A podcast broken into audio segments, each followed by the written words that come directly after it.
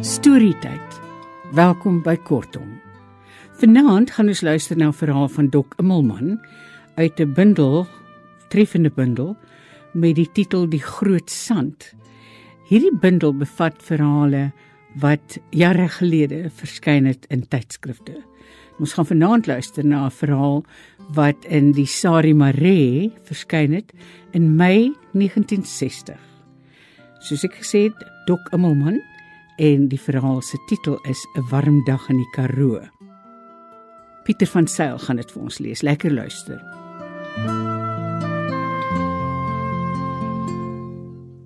Bo van die heuwel kan Mostert sien hoe die groot rooi motorkar uit die nasionale pad swaai. Die kar bokspring oor die treinspoor, jag by die skool verby en draai links by die brug. Mostert skop die motorfiets aan die brand en los die koppelaar. Toe hy die teerstraat aan die voet van die heuwel vat, wys hy snelheidsmeter 60. Hy wil die sirene aanskakel. Maar toe hy by die onderpunt van die hoofstraat inswaai, staan die rooi kar voor die hotel. Mostert gee skiet. En die motorfiets se masjien pols egalig, lui onder hom. Hy ry teen 20 myl per uur die hoofstraat af en hou by die hotel stil. Die kar is nuut, blink en lank met 'n Kaapse nommerplaat. Agter sit twee klein seentjies en voor 'n aantreklike blonde vrou. 'n Krolkop man kom by die hotel met 3 bottels koeldrank, gee een elk aan die vrou en kinders en klim in. "Verskoon my, meneer." Mostert met buik om die man se gesig te sien. Die man kyk op en Mostert kan die vyandigheid in sy oë merk. Altyd die vyandigheid dink Mostert. Eers die verbasing en dan vyandigheid as hulle die uniform sien. Meneer, as jy van die groot pad by 'n dorp inkom, hou altyd jou oog op die snelheidsmeter. Wat bedoel jy? Kort, verontwaardig. As 'n mens 'n paar uur vinniger ry het, dan kan jy maklik 'n fout maak. Jy verbeel jou jy ry 30 myl per uur, maar in werklikheid ry jy vinniger. Presies wat bedoel jy, meneer? vra die blonde vrou bitsig. Die rooi van haar lipstif kleef aan die tuit van die koeldrankbottel. Mostert voel hoe sy spiere span, maar hy hou sy stem kalm.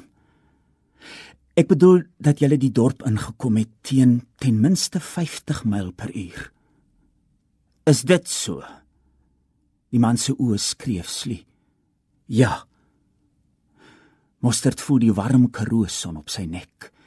Die man is seker nie 40 nie, maar hy lyk veel ouer. Sy sportdrag is duur, skoon en netjies. 'n Sakeman, besluit Mostert.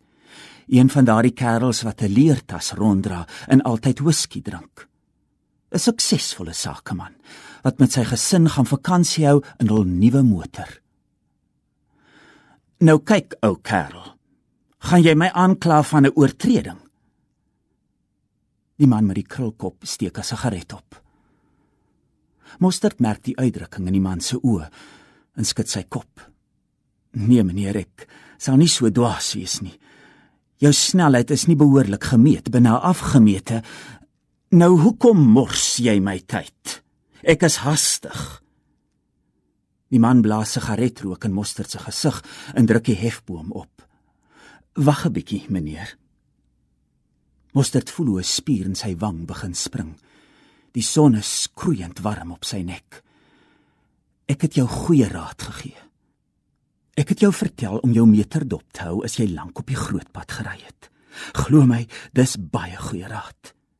Die kinders by die skool het net klaar voetbal gespeel toe jy verbygekom het. Jy kon een van hulle raak gery het. Jy het self kinders. Die krulkop skiet die halfgerookte sigaret deur die venster en skakel die kar aan. Mens kan skaars die masjien hoor loop. Kyk, ou kerel.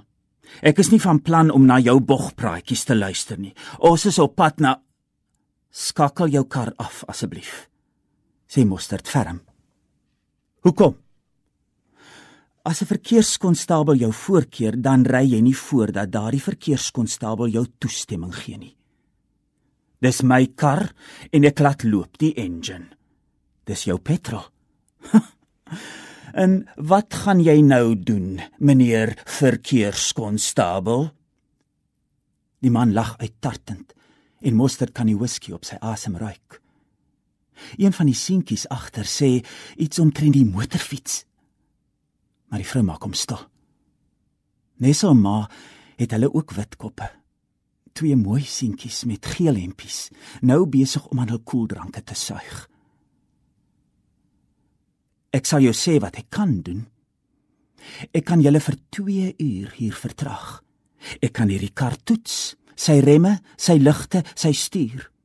Ek kan jou probeer aankla dat jy onder die invloed van drank bestuur. Nonsens, ek het een Ek weet. Ek het gesê ek kan probeer. Moster praat nou net so hard soos die krulkop.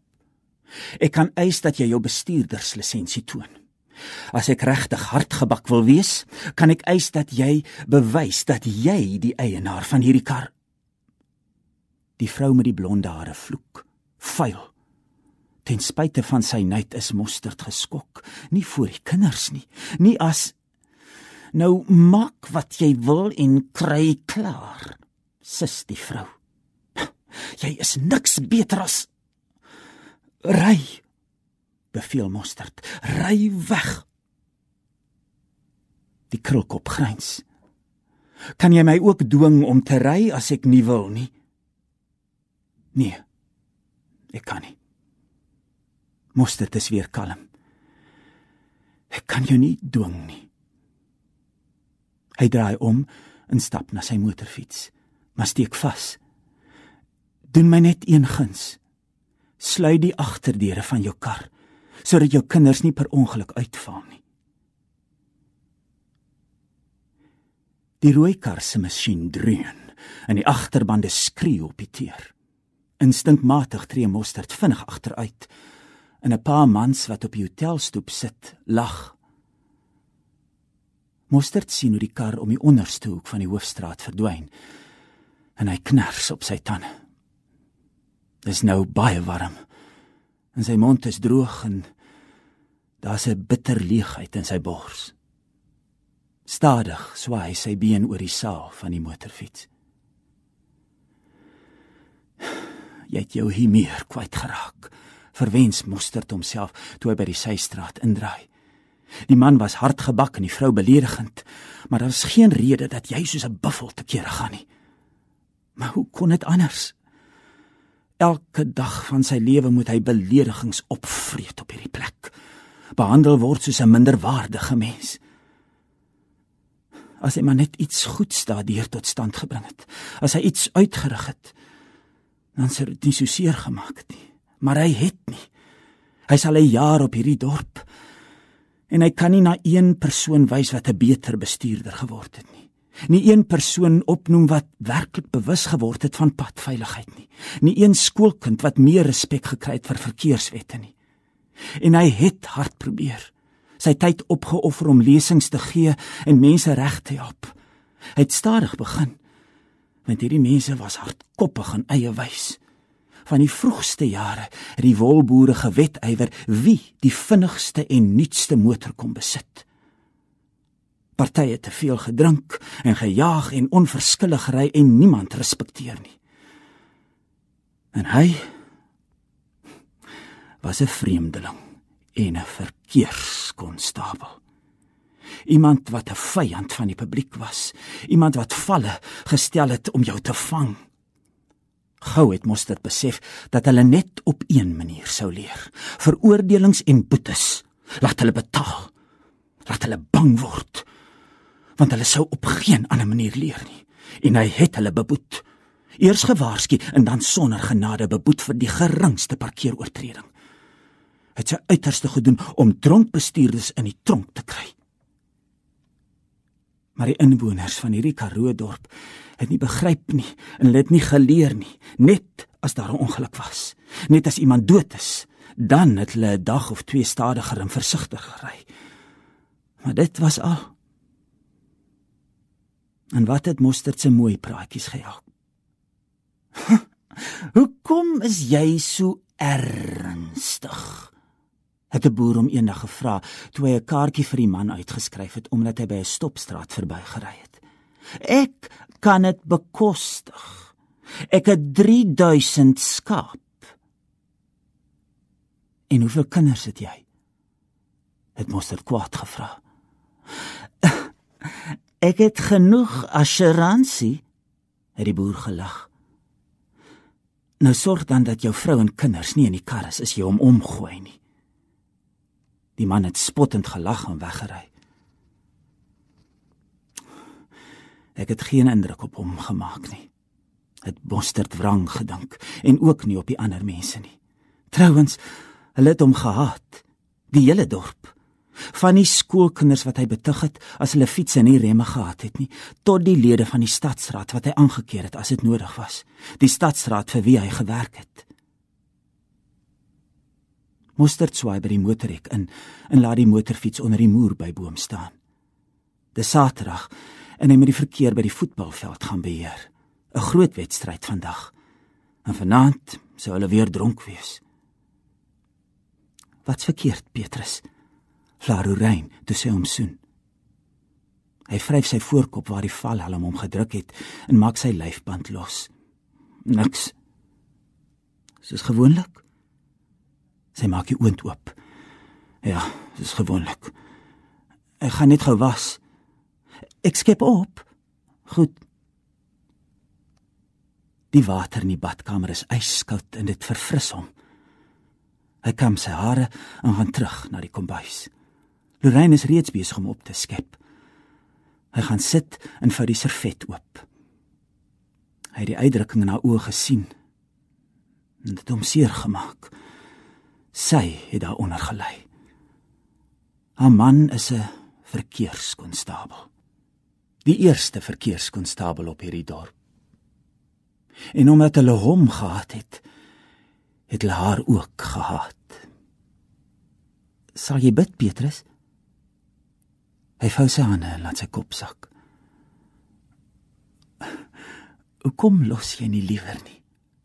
vra sy na rukkie. Hm, "Miskien. Ek dink daaraan.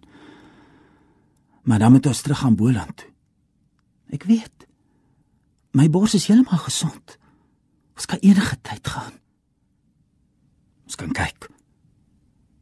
Hy strooi sout oor die kos. Lorraine het swak longe gehad. Dis hoekom hulle op hierdie Karoo dorp kom bly het sodat sy gesond kon word. Die dokter het hom verseker dat daar niks met haar bors kort solank sy in die Karoo bly nie. Maar sy sou nie in 'n nat klimaat kon woon nie. Nie in die strand waar sy pa 'n winkel het en waar hy kon werk nie. Daarom moes hy hier bly en 'n verkeerskonstabel wees. Daarom moes hy daagliks beledigings en skelwoorde aanhoor en Die telefoon in die sitkamer lui. Dis die burgemeester. Middag, Petrus. Jy gaan vanmiddag na die sportveld. Ja, meneer. Dit lyk asof daar baie karre gaan wees. Ja, meneer. Wonder wat die ou man wil hê. Uh, kyk, Petrus, uh, jy het vanoggend 'n parkeerkaartjie uitgeskryf. Ja. Is dit wat dit was? Nou kyk, um, dis die kaptein van die besoekende span, die Springbok senter. Hy's vreemd hier op die dorp in 'n 'n Karoo gasvryheid. Ek meen te sê hy's 'n besoeker en ons moet plan maak. Daar's twee groot kennisgewings, meneer. Geen staanplek. Die grootste op die dorp. Ek weet, maar hy was hastig en het net vir 'n oomblik nee meneer. Sy kar het 'n halfuur voor die hotel gestaan. Nou goed. Totsiens. Moeste dit die gehoorbuis opgang en wrang geglimlag. Miskien sou dit nie nodig wees om te bedank nie. Miskien sou hulle hom maandag afdank. Nou wat 'n duiwel. Hy sou een of ander werk kry. Al moes Lorraine nou hier bly en hy na Die telefoon skril weer, vinnig, aanhoudend, dringend. Mostert? Petrus, daar's 'n ongeluk. Dis Bill Smith. Waar? Net buite die dorp. Iemand het van die voetbalveld gebel. Ernstig? Ja, ja man, 4 uh, of 5 mense. Is Marits daar? Nee, hy speel voetbal. Nou ja, vat die ambulans. Het jy 'n dokter gekry? Nee, almal gaan voetbal toe. Nou toe, wikkel, ek kom. Moeste draai die handvatsel van die telefoon en vra vir die hospitaal. Dokter Rabbi het nou net ingekom. Sê vir hom daar is 'n motorongeluk, dis kan die voetbalveld. Nee, ek weet nie. Die ambulans is reeds op pad. Ja, dadelik. Hy trek sy lyfband styf en raap die helm op. Ek's jammer, daar's 'n ongeluk. Haar oë is groot en onrustig, maar sy sê niks. Sy soen hom op die wang en hy druk haar hand vlugtig. Mostert skop die aansitter, trek die valhoed se band styf en kyk na sy horlosie. Dit was 12 minute oor 1. Die motorfiets gooi sand agtertoe en Mostert laat sy linkerste stewel op die grond sleep toe hy by die hek uitry. Nie verniet dat hy die 500 in die Kaap gewen het nie. In die hoofstraat skakel hy die sirene aan en draai links na die hospitaal. Rabbi is net besig om in sy kar te klim. Mostert hou langs hom stil. "Kan ons gaan?" Die jong dokter knik en Mostert gee vet. Ander kan die verkeerssirkel kry hulle die ambulans. Bill Smith leun oor die stuur en sy gesig is wit. Mostert swaai voor hom in en wyf. Die sirene huil kermend en die mense by die vulstasie kyk met groot oë na die snellende stoet. Reeds beweeg 'n stroomkarre na die voetbalveld en Mostert het gebid dat niemand uit die tou sal probeer swaai nie. Dit was die groot rooi kar met die Kaapse nommer. En dit was duidelik wat gebeur het. Hy het die wye draai voor die sportveld te vinnig probeer vat en rem aangeslaan toe hy sien dat hy dit nie kon haal nie. Spottend weer galm die woorde in Mostert se kop. Die woorde wat hy so dikwels gebruik het, moet nooit rem op 'n draai nie, vernaamlik as jy vinnig ry nie. Die ewenaar van 'n motor is so gemaak dat as daar 'n vermindering van en dis wat gebeur het. Die kar se agterkant het omgeswaai en die motor het omgeslaan. 'n Dosyn wit klippe langs die pad is uitgeruk soos vuurhoutjies en daar's diep kepe in die warm teer waar die motor omgerol het. Na 80 tree het hy eindelik tot stilstand gekom aan die regterkant van die pad waar die paadjie na die sportveld uitdraai. Daar's te veel mense in die pad. Mostert verwiller hulle sonder seremonie instap na die rooi kar. Die ambulans en die dokter se motor hou met skreeuende remme agter die wrak stil. Bill Smith kom langs hom staan en sy keel maak roggelende geluide toe hy na die rooi motor kyk. Selfs die dokter steek vas voordat hy sy tas ooppluk. Die nuwe rooi kar staan op sy wiele, maar die voorstel hang laag op die grond. Al die ruitte, behalwe twee, is gebreek.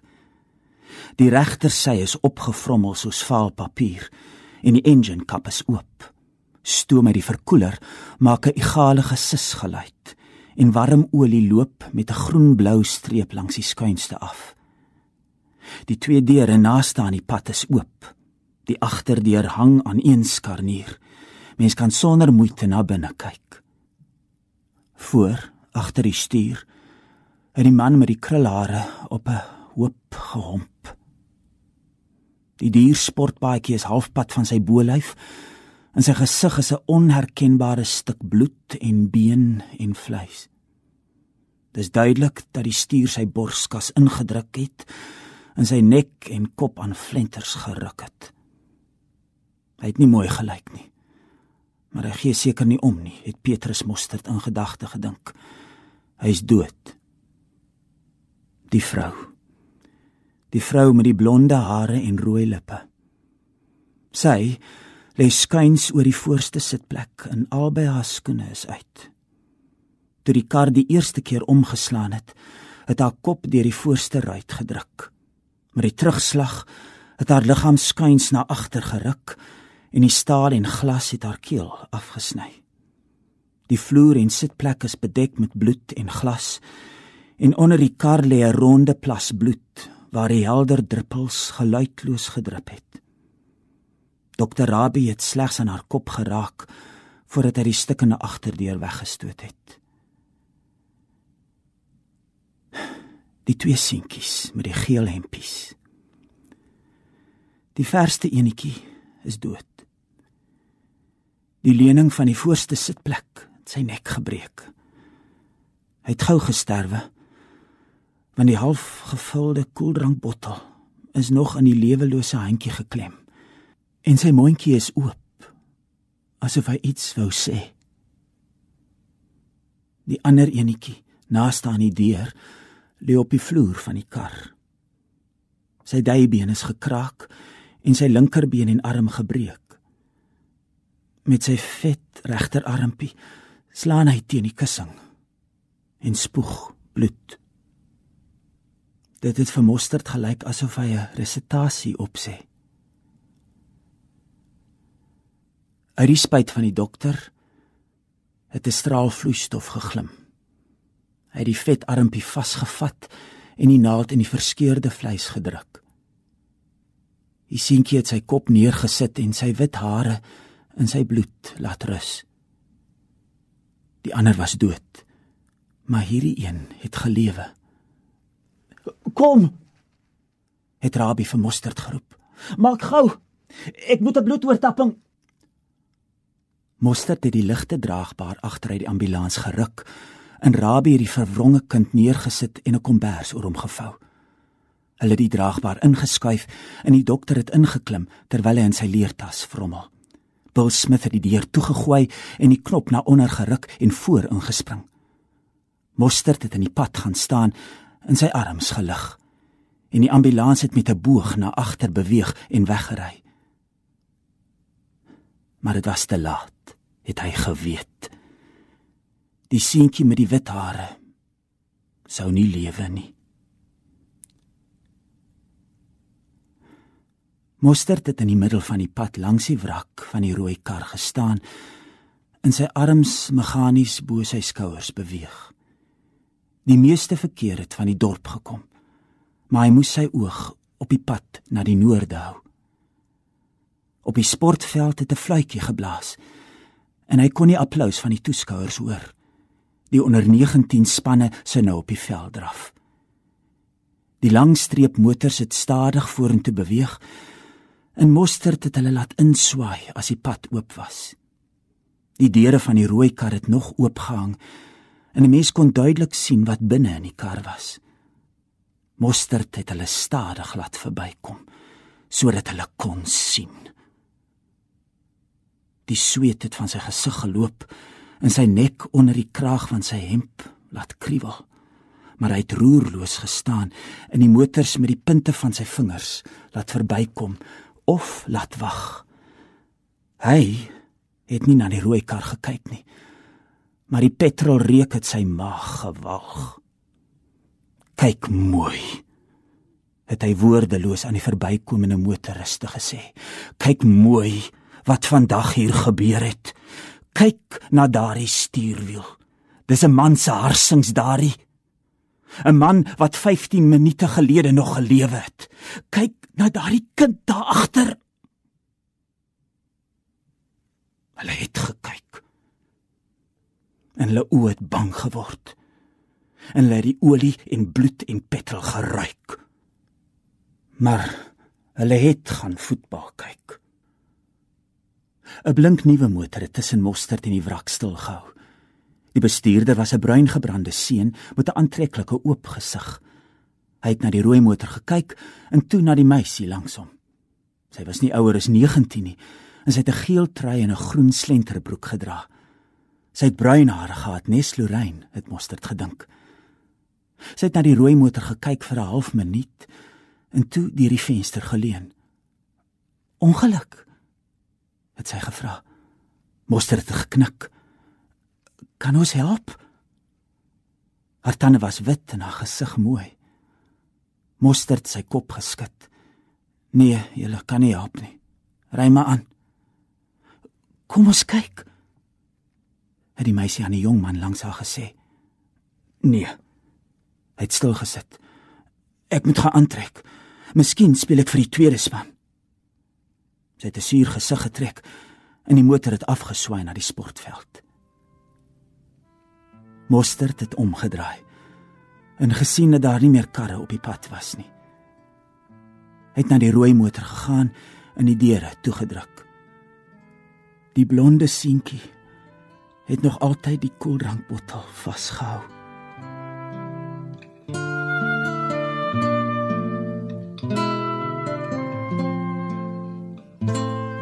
'n warm dag in die Karoo van Dok Immelman en Pieter van Sail het dit vir ons gelees. Ek het dit gevind in 'n bundel met 'n versameling van Dok Immelman se verhale. Ehm um, en die titel van die bundel is Die Groot Sand wat by Protea verskyn het.